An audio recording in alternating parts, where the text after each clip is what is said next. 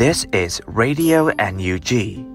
the voice of National Unity Government of Myanmar, broadcasting for Myanmar Spring Revolution. Radio NUG is transmitting from shortwave 16 meter 17.79 megahertz at 8:30 a.m. and 25 meter 11.83 megahertz at 8:30 p.m. Myanmar Standard Time. မင်္ဂလာပါခင်ဗျာ အမျိုးသားညီညွတ်ရေးအစိုးရရဲ့အတန်လွင့်ဌာန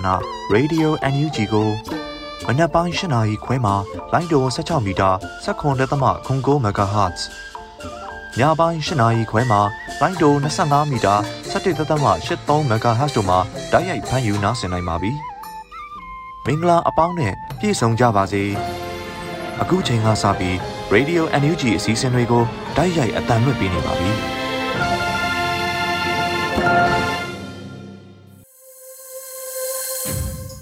မြန်မာနိုင်ငံသူနိုင်ငံသားအပေါင်းတဘာဝဘေးစစ်အာဏာရှင်ဘေးတို့ကနေကင်းဝေးပြီးကိုစိတ်နှပါအေဂျင့်လုံခြုံကြပါစေလို့ Radio NUG ဖွဲ့သူဖွဲ့သားများကနှုတ်ခွန်းဆက်တာအပ်ပါတယ်။ခုချိန်ကစပြီးပြည်တွင်းသတင်းများကိုຫນွေဦးမိုင်ကဖတ်ကြားပေးမှာဖြစ်ပါတယ်ရှင်။မင်္ဂလာပါရှင်။ခုချိန်ကစပြီး Radio NUG ရဲ့နောက်ဆုံးရသတင်းချင်းချုပ်ကိုဖတ်ကြားပါတော့မယ်။ ဤသတင်းများကို Radio UNG သတင်းတောင်ခံများနဲ့ခိုင်လုံသောမိဖက်သတင်းရင်းမြစ်များစီမှအခြေခံတင်ပြထားခြင်းဖြစ်ပါရရှင်။ကျွန်မအနွေဦးမိုင်းပါ။ပထမဆုံးအနေနဲ့ကျဇယ်မြုံနယ်ကပောင်းကြရွာကိုစစ်ကောင်စီဆဲချိန်မြဝင်စည်းကနေအိမ်များကိုဆက်လက်မီးရှို့ဖျက်ဆီးတဲ့သတင်းကိုတင်ပြပေးပါမယ်။ စကိုင်းတိုင်း30မြို့နယ်ကပောင်းကြချေးရွာကိုစစ်ကောင်စီကဇန်နဝါရီလ1ရက်နေ့နေ့လယ်ပိုင်းမှာဆဲချိန်မြောက်ဖြစ်စီးနှင်းဝင်ရောက်နေပြီးပြည်သူတွေရဲ့နေအိမ်တွေကိုထပ်မံမီးရှို့ဖျက်ဆီးနေကြောင်းဒေသခံတွေကပြောပါရယ်ကျဇယ်မြုံနယ်တွင်ရွာစင်ပတ်မွေတောင်းကြနေတဲ့စစ်ကောင်စီတွေဟာယမန်နေ့ကကပောင်းကြရွာအနီးတွင်မိုင်းဆွဲတိုက်ခိုက်ခံရပြီးနောက်ကျေးရွာအတွင်းထပ်မံစီးနှင်းဝင်ရောက်ကနေအိမ်တွေကိုမီးရှို့ဖြစ်စီနေတာဖြစ်တယ်လို့သိရပါဗျ။ဒီနေ့မီးရှို့ခံရတာဘ ယ်နဲ့အိမ်ပါသွားလဲဆိုတာမသိရသေးဘူး။ရွာနာလဲကတ်လို့မရတော့လို့ဒေသခံတိုးကပြောပါဗျ။ဇန်နဝါရီလ၁ရက်နေ့ကကပောင်းကြရွာအနီးမိုင်းဆွဲခံရမှုမှာစစ်ကောင်စီစေဦးသေးဆုံးပြီးအပြန်အလှန်ပစ်ခတ်မှုတွေလည်းရှိခဲ့တယ်လို့ဒေသခံပြည်သူ့ကာကွယ်တပ်ဖွဲ့ PDF ရဲဘော်တို့လည်းကြာဆုံးခဲ့တယ်လို့ဒေသခံတွေကပြောပါတယ်။ကပောင်းကြရွာဟာအင်ချီ900ခန့်ရှိပြီးရွှေမျောလုပ်ငန်းနဲ့လေယာစိုက်ပျိုးရေးလုပ်ငန်းလုပ်ကိုင်ကစီကားဖွံ့ဖြိုးတဲ့ကြေးရွာကြီးတွေဖြစ်ပါတယ်။ ပြီးခဲ့တဲ့လပိုင်းတွင်စစ်ကောင်စီတွေဟာကပောင်းကြရွာကိုအကြိမ်ကြိမ်စီးနှင်းဝင်ရောက်ကလူသက်လူရက်ပစ္စည်းခိုးယူနေအိမ်မီးရှို့ဖျက်ဆီးတာတွေလှုံ့ဆော်ခဲ့ပါတယ်။စက်တင်ဘာလမှာစစ်ကောင်စီတပ်ကကပောင်းကြရွာကိုခုနှစ်ကြိမ်မြောက်ဖြင့်စီးနှင်းဝင်ရောက်ချိန်ဒေသခံအကျိုးကိုတပ်ဖြတ်ပြီးနောက်ဒေသခံတွေကြေးရွာတွင် မနေဝင့်တော့ပဲထွက်ပြေးနေရတာဟာလေးလကျော်ပြီဖြစ်ပါတယ်။လက်ရှိချိန်ထိရာကနန်းရှိတဲ့စစ်ကောင်စီတပ်တွေဟာကပောင်းကြရွာထဲမှာ တက်ဆွဲထားဆဲဖြစ်ကြောင်းဒေသခံတွေစီကသိရပါတယ်။စစ်ကောင်စီတွေရဲ့မိရှုဖြစ်စီမှုကြောင့်အိုးအိမ်မဲ့ဖြစ်သွားရတဲ့ဒေသခံတွေအတွက်ပြန်လည်ထူထောင်ရေးအကူအညီတွေလိုအပ်လက်ရှိချိန်မှာစစ်အုပ်စုကကပောင်းကြရွက်တွင်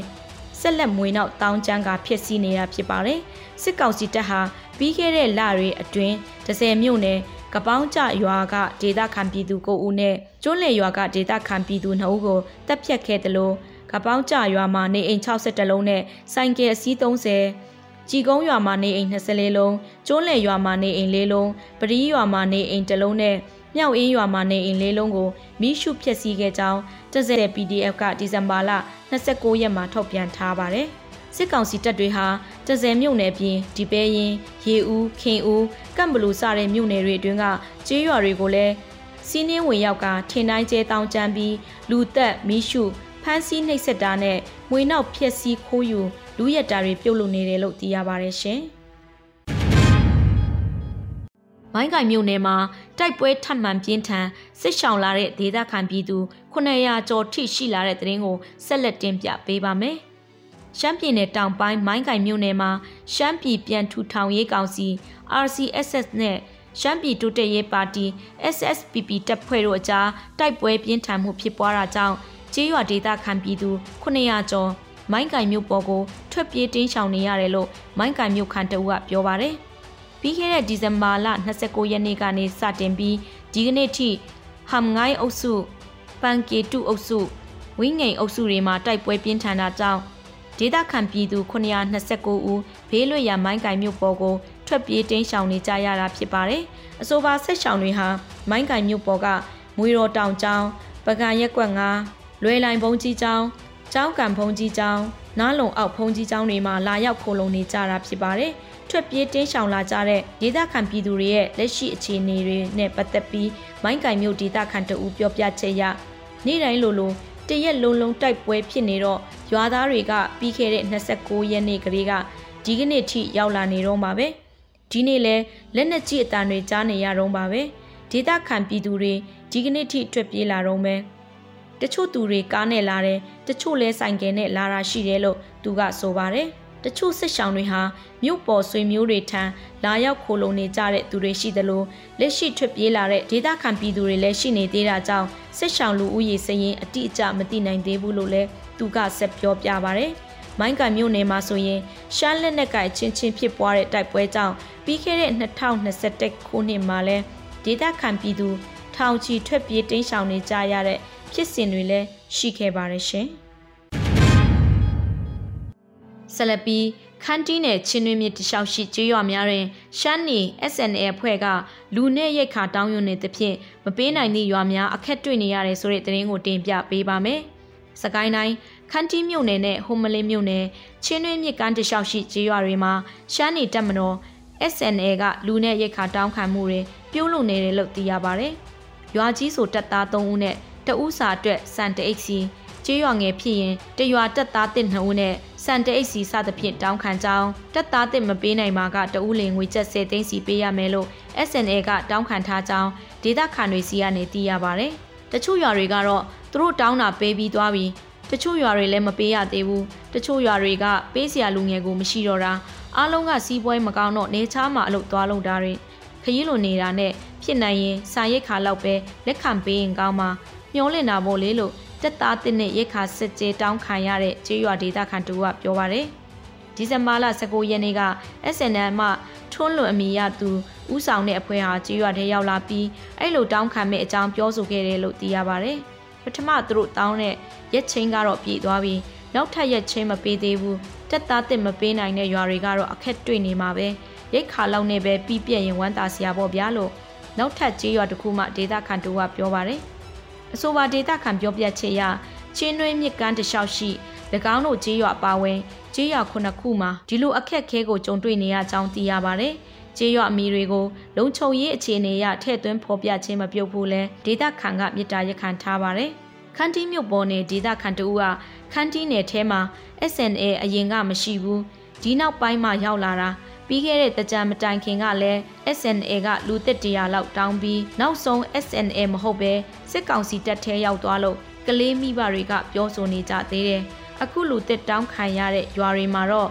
SNA ကပထမဆုံးတောင်းတာဒီဘက်မှာ SNA နဲ့စစ်ကောင်စီတပ်နဲ့ထိတွေ့တိုက်ပွဲဖြစ်တာမျိုးတော့မရှိသေးဘူးလို့သူကပြောပါတယ်ရှင်။ အခုနောက်ဆုံးဟိုပန်တရာဂိတ်မှာဖျက်ကျော်ဖို့စက်ကောင်စီထံကားတစ်စီးကိုအ ਨੇ ဆုံးငွေ၄သိန်းပေးဆောင်ပြီးဖျက်တမ်းနေရတဲ့သတင်းကိုတင်ပြပေးပါမယ်။ရှမ်းမြောက်ဝဒေတာဟိုပန်မြို့ဟိုပန်တရာဂိတ်ကိုဖျက်ကျော်ဖို့အတွက်ကားသမားတွေဟာစစ်ကောင်စီတပ်ခမရစက်ကွန်တက်ရင်ကိုငွေကြေးအ ਨੇ ဆုံး၄သိန်းပေးဆောင်ပြီးတွာလာနေရတယ်လို့သိရပါဗျ။တရာမှာစက်ကောင်စီနဲ့ညှိနှိုင်းထားတဲ့ကားတွေသာအဝင်ထွက်ရနေပြီးကြံကားသမားတွေကို သွင်းကုန်ထုတ်ကုန်တည်ဆောင်ခွင့်မပေးကြောင်းသိရပါတယ်။သွင်းကုန်ထုတ်ကုန်တည်ယူပို့ဆောင်ပေးတဲ့စစ်နဘင်းတွဲကားမောင်းနေနေတဲ့ကားသမားတွေလည်းစစ်ကောင်စီရဲ့ခွင့်ပြုချက်လက်မှတ်ပါမှသာဖျက်ကျော်လို့ရတယ်လို့ကားသမားတို့ကပြောပါတယ်။ကားမောင်းနေတဲ့ပြည်သူတွေကတက်ရင်မှုနဲ့တွေ့ခွန်တောင်းတယ်။သူတို့ကတွေ့ခွန်မပေးဘူး။ပြည်သူတွေအဝင်ထွက်ကုန်တင်ကုန်ချပေးမလို့တော့ဒုက္ခရောက်ကုန်ကြတယ်။စိုက်ပျိုးထားတဲ့တီးနာတွေလည်းပို့ဖို့အဆင်မပြေတော့ဘူးလို့ဆိုပါတယ်။ အခုလိုဂိတ်တွေကိုအတင်းအကျပ်လုပ်တာဟာပြီးခဲ့တဲ့ဒီဇင်ဘာလမှာစတင်လှုပ်ဆောင်နေပြီးအခုဆိုတလကျော်ရှိနေပြီဖြစ်ပါတယ်။အလားတူဟိုပန်မြုပ်ကနေအခွန်ဆောင်ထားခြင်းမရှိဘဲတရားမဝင်တင်သွင်းလာတဲ့ကုန်ပစ္စည်းတွေကိုလည်းချင်းရွှေဟော်မှာတာဝန်ကျနေတဲ့စစ်ကောင်စီနဲ့ရဲတွေကငွေကြေးရယူပြီးချင်းရွှေဟော်ကနေကွမ်းလုံဘက်ကိုရောက်မဲ့ခိုးလန်းကနေတင်သွင်းနေကြတယ်လို့ကားသမားတွေကပြောဆိုကြပါတယ်။အာနာသိမ့်ပြီးနောက်မြန်မာတရုတ်နယ်စပ်ဖြစ်တဲ့ ကိုကန့်ဒေသမှာစစ်ကောင်စီလက်အောက်ခံတွေဟာလူထုစီကနေနှီးအမျိုးမျိုးနဲ့ငွေကြေးတောင်းခံမှုတွေပုံမပြုတ်လူလာနေတယ်လို့ဒေသခံတွေကဆိုကြပါရရှင်။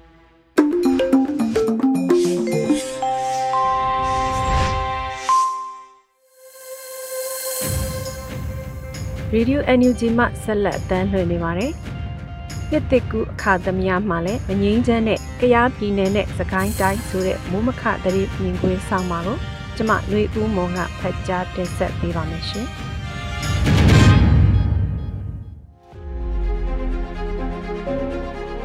နှစ်တစ်ကူအခါသမယမှာလည်းမငိမ့်ချမ်းနဲ့ကရားပြည်နယ်နဲ့စကိုင်းတိုင်းနောက်တိုင်းပြက်ကလေးနှစ်တစ်ကူအခါသမယနေ့ရက်တွေမှာမြန်မာနိုင်ငံရဲ့အချို့သောဒေသတွေမှာတော့အလုတ်ပရက်မိသားစုတွေပြန်ဆုံတာနားယူနိုင်ကြပြီမဲ့အချို့သောဒေသတွေမှာတော့တိုက်ပွဲတွေဖြစ်နေတာ နေအိမ်တွေမီးရှို့ခံရလို့ညှဉ်းပန်းနှိပ်စက်တပ်ဖြတ်ခံရမဲ့ဘေးအန္တရာယ်ကလွတ်မြောက်ဖို့တိမ်းရှောင်ကြရတဲ့အခြေအနေတွေရင်ဆိုင်နေကြရတာဖြစ်ပါတယ်မိမိတို့မြို့မှာမိမိတို့ရွာမှာတိုက်ပွဲတွေပြစ်ခတ်မှုတွေမရှိပေမဲ့လည်းကယားပြည်နယ်မှာစကိုင်းတိုင်းကကြေးရွာတွေမှာ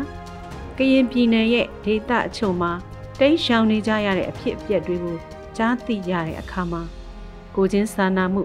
အဲ့ဒီဒေသကသူတွေအတွက် စိတ်မကောင်းကြီးစွာနဲ့ခံစားကြရတဲ့နှစ်သက်ကူအခါသမယတစ်ခုဖြစ်ပါတယ်။ဒီနေ့သတင်းတွေထဲမှာတော့စကိုင်းတိုင်းဝက်လက်မြို့နယ်ထဲမှာစစ်ကောင်စီတပ်တွေနဲ့ PDF တပ်တွေတိုက်ပွဲတွေဖြစ်ပွားနေပြီးစစ်ကောင်စီတပ်တွေဘက်ကလေကြောင်းနဲ့ပါခုပြစ်တိုက်ခိုက်ပေးနေတဲ့သတင်းတွေနဲ့ကြေးရွာနေလူလူကလေကြောင်းတိုက်ခိုက်မှုတွေကြောင့်ထွက်ပြေးတိမ်းရှောင်နေကြရတဲ့အကြောင်းလေးဖော်ပြထားကြပါတယ်။စကိုင်းတိုင်းတွေကပဲနောက်သတင်းတစ်ပုဒ်မှာတော့ ဒဇယ်မြို့နယ်ကပောင်းကြရွာကိုစစ်ကောင်စီတပ်တွေဝင်ပြီးနေအိမ်တွေကိုထပ်မီးရှို့ခဲ့တယ်လို့ဆိုပါတယ်။ကြေးရွာနီးမှာစစ်ကောင်စီတပ်တွေကိုတိုက်ခိုက်မှုဖြစ်ပွားပြီးမှကြေးရွာကိုပြည်တံပေးတဲ့သဘောနဲ့ဝင်ရောက်ပြီးလူနေအိမ်တွေကိုမီးရှို့တာဖြစ်တယ်လို့ဒေသခံတွေကယူဆကြပါတယ်။ဒီကြေးရွာဟာမကြာခဏစစ်ကောင်စီတပ်တွေဝင်ရောက်မီးရှို့တာခံရလို့ခုတစ်ကြိမ်ဆို၁၁ကြိမ်မြောက်ဖြစ်တယ်လို့သတင်းတွေမှာဖော်ပြထားကြတာတွေ့ပါတယ်။ အလားတူပဲစကိုင်းတိုင်းကောလေးမြို့နယ်တဲကကြေးရွာတရွာမှာလဲစစ်ကောင်စီတပ်တွေကပြစ်ခတ်လိုက်တယ်လို့ယူဆရတဲ့လက်နက်ကြီးကြီးထိမှန်လို့ဖုံတော်ကြီးကြောင်ပျက်စီးပြီးကိုရင်တစ်ပါးပြန်တော်မူသွားတယ်လို့သတင်းတွေမှာဖော်ပြထားကြပါတယ်။လက်နက်ကိုင်းတိုက်ပွဲတွေဖြစ်ပွားတဲ့နောက်နေရာဒေသတစ်ခုကတော့ကယားပြည်နယ်ဒီမော့ဆိုတဝိုက်မှာပဲဖြစ်ပါတယ်။လိုင်ကွန်နဲ့ဒီမော့ဆိုသွားကားလန်တပီတဝိုက်မှာဒီနေ့တိုက်ပွဲတွေဖြစ်ခဲ့တာလို့ဆိုပါတယ်။ နှစ်ဖက်ထိခိုက်သေးဆုံးမှုတွေရှိတယ်လို့လည်းသတင်းတွေထဲဖော်ပြထားကြတာတွေ့ရပါတယ်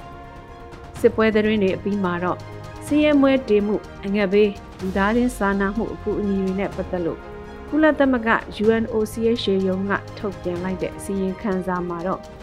ခုလာမဲ့2022ခုနှစ်မှာမြန်မာနိုင်ငံရဲ့လူဦးရေထက်ဝက်နီးပါးဟာစင်ရဲတွင်ဘက်ဦးတည်သွားမယ်လို့ဆိုပါတယ်။ လူသားချင်းစာနာမှုအကူအညီလိုအပ်မှုကလူဦးရေ14သန်းကျော်ရှိမယ်လို့လည်းဆိုပါတယ်။အခုကိန်းဂဏန်းတွေကိုကြည့်ရင်ခံမှန်းကြီး54သန်းရှိတဲ့လူဦးရေရဲ့သုံးပုံတစ်ပုံဟာလူသားချင်းစာနာထောက်ထားမှုအကူအညီလိုအပ်မယ်ဆိုတဲ့အဓိပ္ပာယ်ဖြစ်ပါတယ်။အစားအသောက်သို့မဟုတ်နေစရာအိမ်သို့မဟုတ်စေဝါအရေးပေါ်အကူအညီစတာတွေလိုအပ်မဲ့သဘောဖြစ်ပါတယ်။စစ်ဘေးရှောင်နောက်ထပ်သိန်းနဲ့ချီ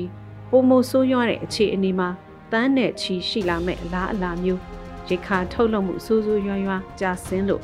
ငဘေးရင်ဆိုင်ရမယ့်အခြေအနေမျိုးသို့မဟုတ်မြို့ပြမှာနေထိုင်တဲ့လောက်ခစားလက်ခစားလုံသမားလူဒန်းစားအလွှာတွေအနေနဲ့ဝင်ငွေမရှိလို့အစားအသောက်မဝယ်ယူနိုင်တဲ့အခြေအနေမျိုးစစ်ပွဲတွေပိတ်ဆို့မှုတွေဖြတ်တောက်မှုတွေမတည်ငြိမ်မှုတွေကြောင့်အစားအသောက်နဲ့လူသုံးကုန်ပစ္စည်းတွေဈေးမြင့်တက်ပြီး ဝယ်ယူနိုင်စွမ်းကျဆင်းလာတဲ့အခြေအနေမျိုးတွေဖြစ်ပွားမဲ့အထိပ္ပယ်သဘောလဲတက်ရောက်ပါတယ်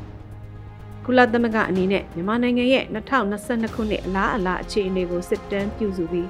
နိုင်ငံတကာကလူသားချင်းစာနာမှုအကူအညီတွေပေးကြဖို့စောဩထားတဲ့အနေအထားလေးဖြစ်ပါတယ်။အခုလိုပွင့်လင်းရသည့်စကိုင်းတိုင်းအတွင်းရွှေဘူ30စတဲ့နယ်တွေကစပားဆိုင်ပြိုးတဲ့တောင်သူတွေခုလမှာရိတ်သိမ်းပြီးတာနဲ့ရရစည်းနဲ့ ထိုးရောင်းကြရတဲ့အခြေအနေရှိနေကြောင်းလဲဒေသခံတအုပ်ကပြောပြပါဗျ။ခရိုင်ပုံမှန်နှစ်တွေမှာဆိုစပားရိတ်ပြီးမိမိတို့နေအိမ်မှာရွာမှာစပားကိုတင်ဆဲထားပြီးဈေးကောင်းရတဲ့အခါဖြစ်စေဝေလိုအပ်တဲ့အခါဖြစ်စေလိုအပ်တဲ့လောက်ထုတ်ရောင်းကြတာမျိုးရှိခဲ့ပေမဲ့ဒီနှစ်မှာတော့လုံခြုံရေးအခြေအနေမကောင်းတာကြောင့်ပြည်သိမ်းပြီးတာနဲ့စပားပွဲစားတွေပေးတဲ့ဈေးနဲ့ရောင်းချကြရတာလို့ဆိုပါတယ်။အရင်နှစ်ကအမြင့်ဆုံး စပားတင်းတရားကို73သိန်း14သိန်းထိဈေးရခဲ့ကြပြီမဲ့ခုလိုထိုးရောင်းကြရတဲ့အခါတင်းတရားကို9သိန်း10သိန်းအပြင်ပိုမရကြဘူးလို့လည်းဆိုပါတယ်။ကျေးလက်တွေကဒုက္ခတွေအသက်ဘေးကနေတိတ်ရှောင်ကြရတာတွေအပြီးရန်ကုန်မြို့မှာတော့အနောက်တိုင်းပြက်ကလေးနှစ်တစ်ကူကာလမှုအရင်အရင်နှစ်တွေကလို့နှစ်တစ်ကူပွဲတွေပျော်ပွဲရွှင်ပွဲတွေဘာမှမရှိသလောက်ဖြစ်ပြီးတိတ်ဆိတ်စွာပဲဖြတ်တန်းကြတာတွေ့ရပါတယ်။ကုံတိုက်တွင်မှာ ညားနဲ့ဆိုင်တဲ့နေရာတွေမှာဘာတစားဆင်ထားတာမျိုးမှလှုပ်ထားတာမတွေ့ရပါဘူး။လူနေအိမ်တွေမှာစုပြီးဝိုင်းဖွဲ့စားတောက်တာစားတောက်ဆိုင်တွေမှာထိုင်ကြတာမျိုးတော့ရှိပေမဲ့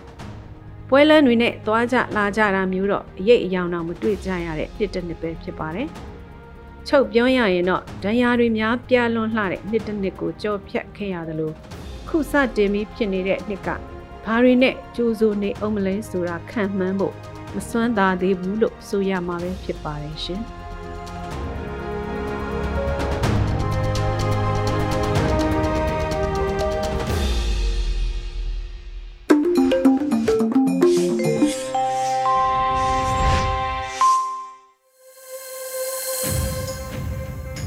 Radio NUG ပြည်သက်များရှင်ပြောင်မြောက်တဲ့အောင်နိုင်မှုများကြောင့်စကိုင်းတိုင်း Play PDF ခေါင်းဆောင်အဖြစ်လူသိများတဲ့ ဘိုးနဂါးနဲ့ဆက်သွယ်မေးမြန်းထားတာကိုတင်ပြပေးပါမယ်ရှင်ဒီဟာအဓိကလို့ပြောမယ်ကိုမသိတော့ဘူးဗျဟုတ်ကဲ့အများကြီးပဲစိန်ခေါ်မှုတွေကတော့ဟုတ်ကဲ့ခဲတွေကတော့ဟုတ်ကဲ့ဒါပဲဖြစ်ဖြစ်ဟိုပြည်သူတွေကိုစော်ကားလာတော့မဟုတ်ပါဘူးနော်ဟုတ်ကဲ့ကျွန်တော်တို့ပြည်သူတွေမှာလည်းဒီဒီမိုကရေစီရဖို့ဒီလွတ်လပ်ရေးရဖို့ကအဖြစ်မနေလက်နက်ကင်ဒေါ်လာရတော့မယ်ဘယ်ကဘာမှနော်ဒီဒီလူသားကဘာမှအမှန် မှန်တရားကိုရှာဖွေဖို့ကဟိုကိုကိုယ်အင်အားရှိမှဖြစ်မယ်ဆိုတာသိနေကြပြီပဲဒီကဒါကိုရင်းရလုံးမှာမဟုတ်ဘူးကိုလိုချင်တာကိုသွားရမှာသိနေတဲ့အချိန်မှာတော့မှခေါ်ရိုးကျိုးလာခဲ့တဲ့ဒီရိုက်ပေါ့တာဝန်ယူမှုတာဝန်ယူမှုတာဝန်ခံမှုပေါ့နော်ဟုတ်ကဲ့တာဝန်ခံလို့စိတ်မရှိကြသေးတာပေါ့ဒီပြောတာမဟုတ်ပါဟုတ်ကဲ့အားနေနေဟုတ်ကဲ့ဟိုအခုနပြောတဲ့အမူအရာနဲ့ပြသပေးမယ်လို့ဟိုတကယ်ကိုပဲဒီလက်နက်ကင်ညဖို့နဲ့လက်နက်ကင်နဲ့ အဖွဲ့တွေကိုဟိုဝန်ရံပံပိုးပေးကြဖို့ကျတော့နည်းလေးလိုနေသေးတယ်ဟုတ်ကဲ့အဲ့ဒါလည်းအဓိကပြဿနာဟုတ်ကဲ့ဟုတ်ကဲ့ကျွန်တော်တို့ဟိုအဒီတိုင်းနဲ့တောင်မှဒီလောက်စစ်ကောင်စီမှလောက်ပြန်တယ်ဒီအကြမ်းဖက်အုပ်စုမှာဒီလောက်ပြာရခတ်နေလို့ရှိရင်ကျွန်တော်တို့တနိုင်ငံလုံးတာညီညွတ်ညွတ်ထားကြပြီလားဟုတ်ကဲ့သူတို့တွေသူတို့တွေအကုန်ပြင်းလျားပြန်သွားတယ်ဟုတ်ကဲ့ဘုန်းလို့ဘုန်းရမှာမယ်ငကောမှဘာမှ စီရေးစီရအရင်ချင်းမရှိတဲ့ကောင်းကြီးအဲ့ဒီလိုတာတနိုင်ငံလုံးကသူတို့လက်နက်ကန်ဆန့်ကျင်လာကြပြီဆိုရင်သူတို့နေရာကိုမရှိတော့ဟုတ်ကဲ့အဲ့ဒီမှာအဲ့လိုမျိုးပါဝင်မှုမပြည့်စုံတာကလည်းနည်းနည်းလေးအားနေချက်ဟုတ်ကဲ့ပြီးတော့တကယ်လုံနေတဲ့လူတွေလက်ထဲမှာလည်းဟိုသူတို့နဲ့ရင်သူတို့ကိုရင်ဆိုင်ဟိုဘယ်လိုပြောမလဲကျန်တဲ့အရေးချင်းစိတ်သက်ခွန်အားအဲလူရင်အားအဲ့ဒါတွေကတာလွန်နေဆိုရင်လည်းလက်နဲ့အင်အားလိုနေကြရလဲဟုတ်ကဲ့ဟုတ်ကဲ့ပြဿနာ ဟုတ်ကဲ့အဓိကစိန်ခေါ်မှုတွေတော့ဟိုအများကြီးပေါ့ဟုတ်ကဲ့ဒီသူတွေအနေနဲ့ပူပေါင်းပါအောင်ပြောချင်တာဗျာကျွန်တော်တမျိုးနေတဲ့ဆိုရင်တော့မှတထေးဦးတွေတစ်ဆောင်လောက်ရှိနေဗျာဟုတ်ကဲ့ဟုတ်ကဲ့အဲ့ဒီတစ်ဆောင်လောက်ကအဲလက်နဲ့တလက်ဖို့မပြောနဲ့ဆယ်လက်ဖို့တောင်မဖြုံနဲ့တထေးတွေရှိနော်ဟုတ်ကဲ့ဒီမိုကရေစီကိုလိုချင်တယ်လွတ်လပ်ရေးကိုလိုချင်တယ်လည်းပြောကြဟုတ်ကဲ့ဒါပေမဲ့သူတို့ကိုယ်တိုင်လည်းမပါနိုင်ပါနေတဲ့လူတွေကိုလည်းသူတို့အဲ့လိုလက်နက်ဝယ်ပေးဖို့ကြ မလုပ်ရှင်ဟုတ်ကဲ့ခင်ဗျာနော်ဟုတ်ကဲ့အဲတယောက်တစ်လက်မဟုတ်တော့နှစ်ယောက်တစ်လက်ဝယ်ပေးတစ်သေးတွေကဟုတ်ကဲ့ဟုတ်ကဲ့ဒီကောင်ရှိရင်လက်900ရဟုတ်ကျန်တဲ့လူတွေကပြည်တံမှုဖြစ်တယ်နော်ဟုတ်ကဲ့အဲမှာတိုက်တဲ့လူတွေကလည်းလက်နက်ကင်တဲ့လူတွေကလည်းဒီသူ့ကိုကာကွယ်နေနဲ့စိတ်ပဲထားလက်နက်လက်ထက်ရောက်တာနဲ့အနိုင်ကျင့်တဲ့ဟိုဘယ်လိုပြောဒီလက်နက်ပေါ်မှာဒါရပြီးတော့အဲဒီလက်ရလေးတွေကိုအာနာပြခြင်းနဲ့စိတ်မထားပဲတတ်ဟုတ်ကဲ့ဟိုမှာတစ်သေးတွေကလည်းခုနကပြောလို့ကျွန်တော်ပြောလို့ဝယ်ပေးပေါ့ဒါကဟိုကလေးတွေးလို့လည်းပြောလို့ရပါတယ်ဟုတ်ကဲ့တကယ်ဟို ရိုးရှင်းရှင်းလေးတွေးပြတာဟုတ်ကဲ့အဲ့လိုလိုတာဆိုရင်ကျွန်တော်မြို့နယ်အလက်900ဆိုရင်အဲ့ဒီကောင်နေပြီးခြေလန့်ကိုမတူရဘူးဟုတ်ကဲ့ဟုတ်ကဲ့ခင်ဗျဟုတ်ကဲ့ပါဟုတ်တယ်မဟုတ်ပါတယ်အမျိုးတနိုင်ငံလုံးသာပြည်သူတွေကဇက်ညီတယ်လို့လက်ညီကြည့်ဟုတ်ကဲ့သူတို့ဥစ္စာတွေကိုသူတို့မမျောနေလဲအပူပဲဟုတ်ကဲ့ဒီကောင်တွေကိုမတားထိနိုင်ရင်သူတို့ဥစ္စာတွေဒီဟိုကောင်တွေကကြောက်ချလာမှကားတွေဆိုင်ကယ်တွေနဲ့အကုန်သေးသွားမှာဟုတ်ပါတယ်အဲ့တော့ဟိုဒီလိုအစိုးမရတဲ့ကာလာကြီးမှာ စိတ်ပြီးနှမျောမနေနဲ့ငင်းချမ်းတဲ့သူကိုသွားဖို့ဝေထုတ်ရင်းညလူထုတ်ရင်းညနော်ဟုတ်ကြံကဲ့ကြံနေထုတ်ပြီးရင်းညအားလုံးတက်ညီလက်ညီပါဝင်ညနော်ဟုတ်အခုကဲ့နန်းတော့လို့အတန်သိတဲ့ပိတ်မှာတောင်မှဒီကောင်တွေကိုမလိုချင်ဘူးဆိုတဲ့တက်တွေပြပြီးပြီဟုတ်အဲ့တော့အဲ့လောက်နဲ့မရတာကတော့လေနည်းနည်းဒီကြားနေပြီဟုတ်တယ်မဟုတ်ဟုတ်ကဲ့မလိုချင်ရင်နော်ဘယ်သူမှလာယူပေးမှာမဟုတ်ကိုလိုချင်တာကိုကိုတက်ယူကြဟုတ်ကဲ့နော်ဟုတ်ကဲ့ရှင်းအောင်ပြောရင်ပြည်သူတွေကဒီဟာကိုလိုချင်ပါတယ်ဆိုတဲ့ဒီကောင်တွေကိုမလိုချင်ဘူးနော် အဲဒီအကြမ်းဖက်အုပ်စုကိုခေါင်းဆောင်ဖြစ်မလိုချင်တော့ဘူးပြည်သူအစိုးရနဲ့အုပ်ချုပ်တာကိုလိုချင်တယ်ဒီမိုကရေစီကိုလိုချင်တယ်လွတ်လပ်ရေးကိုလိုချင်တယ်အဲ့ဒါကိုတော့အခုလိုတက်ညီလက်ညီပြကြတယ်ဟုတ်အဲ့ကဲ့မဲ့ဟုတ်ပြီအဲ့ဒါကိုငါတို့ဘယ်လိုယူကြမလဲဆိုတဲ့အပိုင်းနဲ့ကြတော့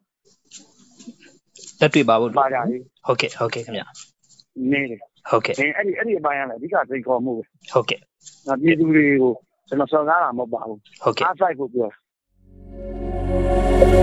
ယ် energy ကိုသတင်းစကားပါနေတာကတော့ပေါ့ကျွန်တော်တို့ဒီရပါအုပ်စုကအတိုင်းထားတာပေါ့ကျွန်တော်တို့ဆန္ဒပြဆန္ဒပြတာမရဘူးခုလို့အဲ့ဒါနဲ့ကြာလို့ယူနေကြဟုတ်ကဲ့ပြီးတဲ့နောက်မှာကျွန်တော်တို့အာဏာပြန်ရလာပြီဆိုရင်ကျွန်တော်တို့ဒီနော်ဒီအာဏာကိုသိသိပေးဖို့ energy ကိုကျွန်တော်တို့က အားလုံးဝန်ရံထားပြီးတယ်အတိမပြည့်ပေးထားပါတယ်နော် energy အနေနဲ့လည်းဟိုကျွန်တော်တို့ဟိုအားကိုးရဂျိုနာအောင်ဒီတဲ့ဘိုးမျိုးကောင်းမွန်တဲ့ဒီကောင်မှုတွေနဲ့ပေါ့နော်ဟုတ်ကဲ့ဒီရနေပြီးတော့ဟိုဥဆောင်ပေးပါဟုတ် energy နောက်မှာကျွန်တော်တို့ဒီဥဆောင်မှုအမှန်ကန်ကန်နဲ့တွားနေမယ်ဆိုရင် energy နောက်မှာကျွန်တော်တို့ကဟိုအပြည့်အဝဟုတ်ကျွကဲ့န်တော်တို့ဆွမ်းသမျှအင်အားနဲ့ အပြည့်အဝရက်ပြီးဝန်ရံပေးထားပါဟုတ်ကဲ့ဒါကတော့ကျွန်တော်တို့အနေနဲ့လည်းထိုက်တဲ့လိုအပ်ချက်တွေကို energy ဘက်ကဟိုအစီအစဉ်တဲ့ပုံစံနဲ့ပေါ့အချို့ဟာကဟိုသူတို့ရဲ့ဒီနေ့ဒီကအရာတော့ဖို့တောင်းနေနေရတဲ့အားရှိခဲ့ရင်လည်းတခြားပုံစံနဲ့အစဉ်ပြေဆုံးအစဉ်ပြေဆုံးဖြစ်မဲ့ဒီလမ်းတွေကိုရွေးပြီးတော့ဒီဒေါ်လာရေးရဲ့အရှင်ဟုန်တွေကိုကျွန်တော်တို့ဒီလိုမြေပြင်မှာတကယ်လုပ်နေကြတဲ့ ဒီတာရောဒေါ်လာရေးသမားတွေနဲ့ချိတ်ဆက်ပြီးတော့ဒေါ်လာရေးရဲ့အရှင်ဟုန်ကိုပြင့်တင်ပြီးတော့ဒီဟိုမြန်မြန်ပေါ့ရွေးလိုက်ပြီးချင်းတက်နိုင်အောင်ဟုတ်ကဲ့ဥဆောင်ပေးရပြီးဖို့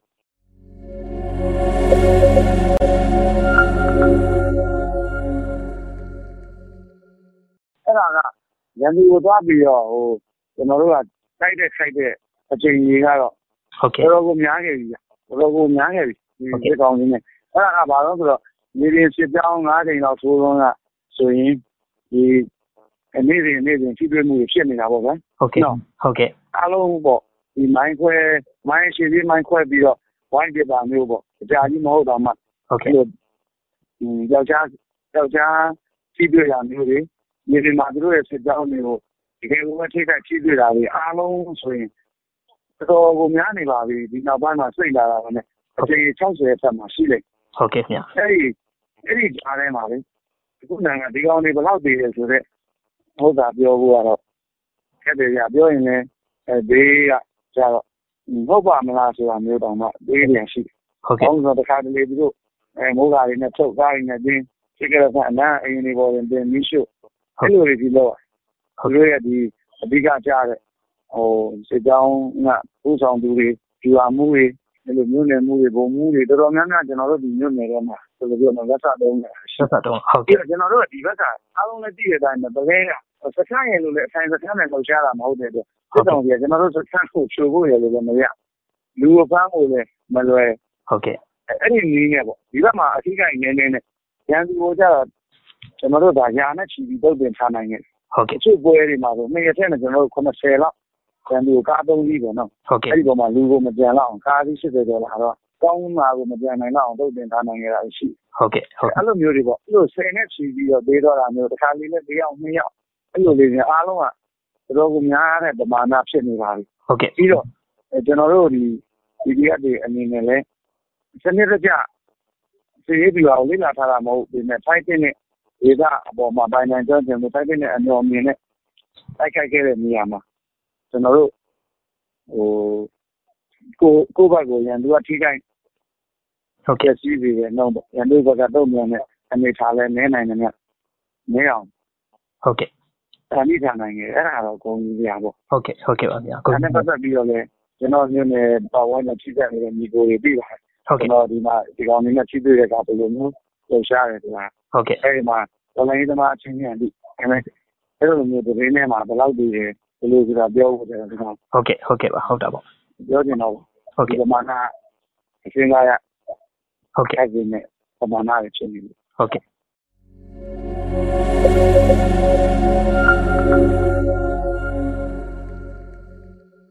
အော်ကျေးဇူးပြောချင်တာကတော့တနိုင်ငံလုံးပေါ့ဗျာဟုတ်ကဲ့။ကျွန်တော်တို့တွေ့ရလူကိုကိုပြောချင်နေရောဟုတ်ကဲ့ပြောပါဗျာဟိုဒီဒီအကြမ်းဖက်အုပ်စုအနေနဲ့လည်းပေါ့နော်။ဒီလို မတရားတဲ့နည်းနဲ့နိုင်ငံရေးဩဒါကိုတိဆောက်ရင်ဒီသူလက်မခံဘူးဆိုတာကိုမြင်ပြီးသွားတယ်။နော်ဟုတ်။တရားမှာချင်းတို့တို့သူတို့တမိုင်းကိုသူတို့ပြင်တင်ရှိသေးတယ်။နော်ဟုတ်ကဲ့။တရားမှာပဲအပြစ်ကိုလည်းရဲရဲဝံ့ဝံ့ခံယူပြီးတော့တမိုင်းမှာဩဒီလောက်ရုံမာခဲ့ပြီနဲ့နောက်ဆုံးအချိန်မှာတော့ဒီဒီကိုဝန်ချပြီးတော့တော့တိတ်ခါရှိရှိသူတို့ရဲ့ဘဝကိုဆုံးသက်သွားတယ်ဆိုတာမျိုးပေါ့ဟုတ်။ကဲ့အမှမဟုတ်လေအဲ့လိုကြီးမဟုတ်တော့မှသူတို့အတွက်ပြည်လေရပြည်လေကောင်းတခြားလမ်းကြောင်းလေးနဲ့ပြည်သူကိုဒီလိုမျိုး ပြန်ပြီးတော့ဝန်ခံသွားခဲ့တယ်လက်နဲ့ချသွားခဲ့တယ်။ဒီသူရဲ့ကောင်းကျိုးစီကိုစောစောစီးစီးချင်းကပ်မှာသူတို့လျော့မှာဘွားနဲ့အဆုံးသက်မသွားအောင်ပေါ့ဗျာပြောရင်တော့ဟုတ်ဘာကဲ့မှကြည့်လိုက်ဘယ်လျော့မှာမှအကောင်းကောင်းမွန်မွန်ဆုံးမသက်ဘူး။ဟုတ်အဲ့ကဲ့ဒါကိုသူတို့သိနေခြင်းတယ်ဟုတ်ကဲ့ဟုတ်သူကဲ့တို့ကတော့ကဘာမှာပထမဦးဆုံးဒိတ်ခါရှိရှိနဲ့အမကိုပြင်သွားတဲ့လူတွေမျိုးဖြစ်စေခြင်းတယ်အဲ့ဒါလည်းသူတို့ပြောခြင်းဟုတ်ကဲ့ဒါပေမဲ့သူတို့အောက်မှာလိုက်ပါနေတဲ့ဒီဟိုလက်နက်ကိုင်အဖွဲ့တွေပေါ့နော်ဟုတ်ကဲ့သူတို့လည်းပြည်သူတွေကပြည်သူတွေပေါက်ဖွာလာတာပဲ သူတို့တွေလုပ်နေရတဲ့အလုပ်သူတို့ဘာဖိတ်ပင်မှန်းတော့သိမှာမဟုတ်ဟုတ်ဟုတ်ကဲ့ဘူးဒီဒီတော့ရဲရဲဆက်ဆက်အတိုင်းပြည်ကိုကာကွယ်ဖို့ဆိုပြီးဖွဲ့ထားနေတယ်တိုင်းပြည်ကိုကာကွယ်ရတာဆိုတာသိမရှိဘဲနဲ့အရင်ကချင်းချင်းပြည်သူချင်းချင်းနဲ့ဒီလိုမျိုးပြည်သူမကျေနပ်တာကိုဒီပြည်သူမလိုလားတဲ့ခေါင်းဆောင်တွေကိုကာကွယ်ပေးနေရတယ်ဆိုတော့သူတို့သိတယ်သူတို့ခေါင်းဆောင်တွေကိုလည်းသူတို့ဘယ်ဝန်ဝန်တက်တက်သားသားနဲ့အမှန်တရားဘက်ကရက်ပြီးမယ်ဆိုတဲ့အကြောင်းပြောပြီးတော့ဟိုအဒီတရားဝင်အောင် သူတို့ကိုယ်တိုင်လည်းအဒီတရားဝင်ပြီးတော့ဒီလိုမျိုးပြည်သူနဲ့အဲဝန်လာပူပေါင်းကြဖို့ပေါ့ဟုတ်ကဲ့အချိန်ကြီးဆုံးဖြတ်ကြလို့ကျွန်တော်ပြည်သူရေးအနေနဲ့လည်းအဲ့ဒီအနေအထားတွေရှိမလာခဲ့ဘူးဆိုရင်ကျွန်တော်တို့ကဘလို့နေနေနော်ဟုတ်ဒါကဲ့ကအောင်မြင်တဲ့ဒီတက်ရမှာဆိုတဲ့အတွက်အချိန်ဆိုင်နေနေခြင်းဟုတ်ကဲ့ခရာတုတ်ပြီးမှပြန်ရမယ်ပွဲမဟုတ်တဲ့အတွက်ခရာတန်ကိုနားထောင်မနေနဲ့ဟုတ်ကဲ့နော်ဟုတ်ကဲ့ခင်ဗျဒီလက်ရနေပြီးတော့ဒီဒေါ်လာရေးမှာပါဝင်ယူစိတ်နဲ့ဝန်ပါကြကျွန်တော်တို့ကဘလို့နေနေ ဟိုသူတို့ကမပြင်ဘူးဆိုရင်ကျွန်တော်တို့ကဒီနေရာတော့နေမဖွင့်နိုင်တော့ဟုတ်ကဲ့နော်ဟုတ်ကဲ့ဟိုရှင်းအောင်ပြောရင်မီးလောင်ပြီးပြေးမှနဲ့တခါလဲဝုန်းတိုင်းဆိုဟိုခေါင်းပြပြေးမှမျိုးအဲ့လိုပေါ့ဗျာနော်ဟုတ်ကဲ့ဒီဒီခံစားပြီးဒီရမယ့်ဘဝမှာနေမနေနဲ့ဟုတ်ကဲ့ကျွန်တော်တို့ကမြန်မြန်ပါဝင်ယူစိတ်နဲ့ဒီဒေါ်လာရေးထဲမှာပါဝင်လာကြဖို့ပေါ့ဟုတ်ကဲ့ဟုတ်ကဲ့ဒါပေမဲ့အဲ့ဒီအချက်ကဒါကနောက်ဆုံးမှာအခုနန်ပြောတဲ့ဟိုလူတို့ဟိုဘက်ကလူတွေ ဟုတ်ကဲ့ကဘာမှာပထမဆုံးမြန်မာရတဲ့အကြမ်းဖက်အုပ်စုဖြစ်ကြဖြစ်ချင်တယ်သူတို့မှန်မှန်ကန်ကန်ဘဝကိုဆုံးသက်ချင်တယ်ဒိတ်ကကြီးဆုံးသက်ချင်တယ်သူတို့တွေလည်းဒါပြည်သူ့ဌာနလက်မှတ်ချဖို့ဟုတ်ကဲ့ဌာနပြန်အပ်ဖို့ဟုတ်ကဲ့ပြောနေဟုတ်ကဲ့ဒီလိုပဲနေနေခိုင်းနေတဲ့အပြည့်ကျွေးခါပေါ့သိခါတော့ရှိကြတာပေါ့ဒီမိုင်းဟုတ်ကဲ့ဟုတ်ပါတယ်ဗျဟုတ်ကဲ့ဟုတ်ကဲ့ပါဘုန်းတော်အားဆိုဒီသားတွေရဲတွေလက်နက်ကိုင်အဖွဲ့တွေအနေနဲ့လည်းပြည်သူနဲ့ပူးပေါင်းကြတယ် အဲ့လိုမှမပူးပေါင်းဆိုလည်းပြည်သူတွေအနေနဲ့တာဝန်ယူနော်ဒါရလည်းနဲ့ဆွဲကန်ပြီးတော့အမြန်တော်လာကြတော့အဲ့ဒီအချိန်ဆိုင်နေတယ်အဲ့ဒါပဲပြောချင်တယ်